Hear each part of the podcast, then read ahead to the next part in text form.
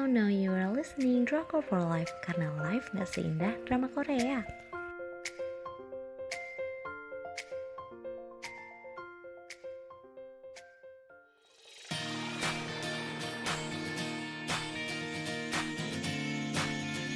Review drama Korea Prime Minister and I Yuna jadi ibu tiri dengan stasiun penyiaran KBS tuh tanggal penayangan 9 Desember 2013 sampai dengan 4 Februari 2014 Untuk jumlah episodenya ada 17 episode Untuk rating aku kasih 3 dari 5 uh, Demi reputasi, Perdana Menteri Kwon Yul si duda beranak tiga melakukan nikah kontrak dengan Nam Da Jong uh, Seorang jurnalis di Scandal News Jong uh, mengiyakan pernikahan kontrak tersebut karena pengen membahagiakan bapaknya yang selama ini jadi single parent juga.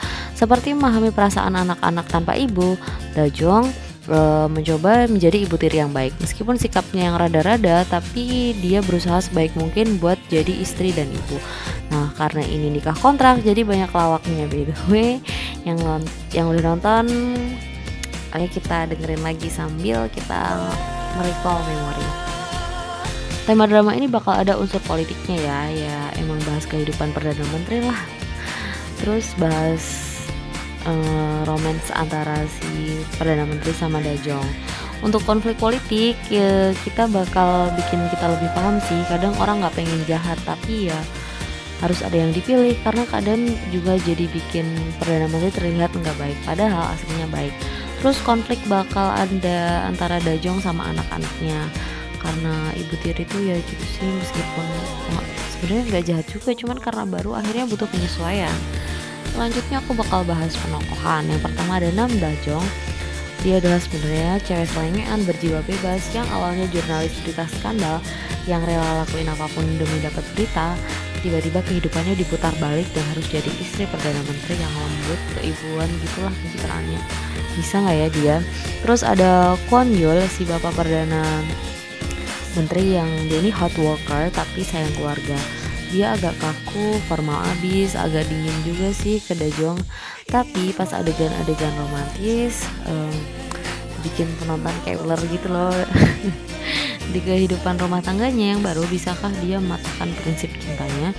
Jadi karena mereka itu kawin kontrakan dan perdana menteri itu juga tahu gitu pak. Kalau ya aku cuman sayang sama almarhum istriku gitu terus yang jadi permasalahan cinta Bajang sama Perdana Menteri ini tuh adalah tekad dan janji suci si Perdana Menteri yang enggak akan mencintai wanita lain selain mendiang istrinya. Sumpah ya galau banget di bagian ini kayak padahal udah mulai pikir ke Dajong gitu tapi si Perdana Menteri Kondil ini kayak menyangkal gitu ah, ini perasaan aku yang tidak boleh eh, aku hanya mencintai mendiang istriku gitu.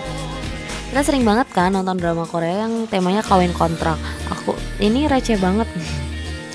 Dan menurut aku ini hayal gitu ada orang yang mau melakuin itu. Tapi serius tema begini itu masih asik banget menurut aku. Kita nonton di drama kan buat hiburan jadi tema-tema receh kayak gitu justru entertaining banget menurut aku. Ending drama ini tuh ngebiarin para penonton buat berimajinasi sendiri. Nggak gantung tapi nggak memuaskan hasrat yang nonton gitu loh. Tapi drama ini cukup menghibur. Cuma pas ending bakal bilang lah itu doang ya. Wah kok nggak ada lanjutnya? Masa sampai situ doang gitu. Memang sih ya happy ending, uh, bukan cuma tentang menikah. Jadi endingnya bakal menggambarkan kehidupan baru yang bahagia. Itu sih menurut aku. Jadi itu tadi review Prime Minister and I versi Drakor for Life. Hmm, buat kalian yang pengen dapat daily update drama terbaru, kalian bisa cek atau follow di Instagram kita at underscore. Jangan lupa live-nya pakai Y. Terima kasih.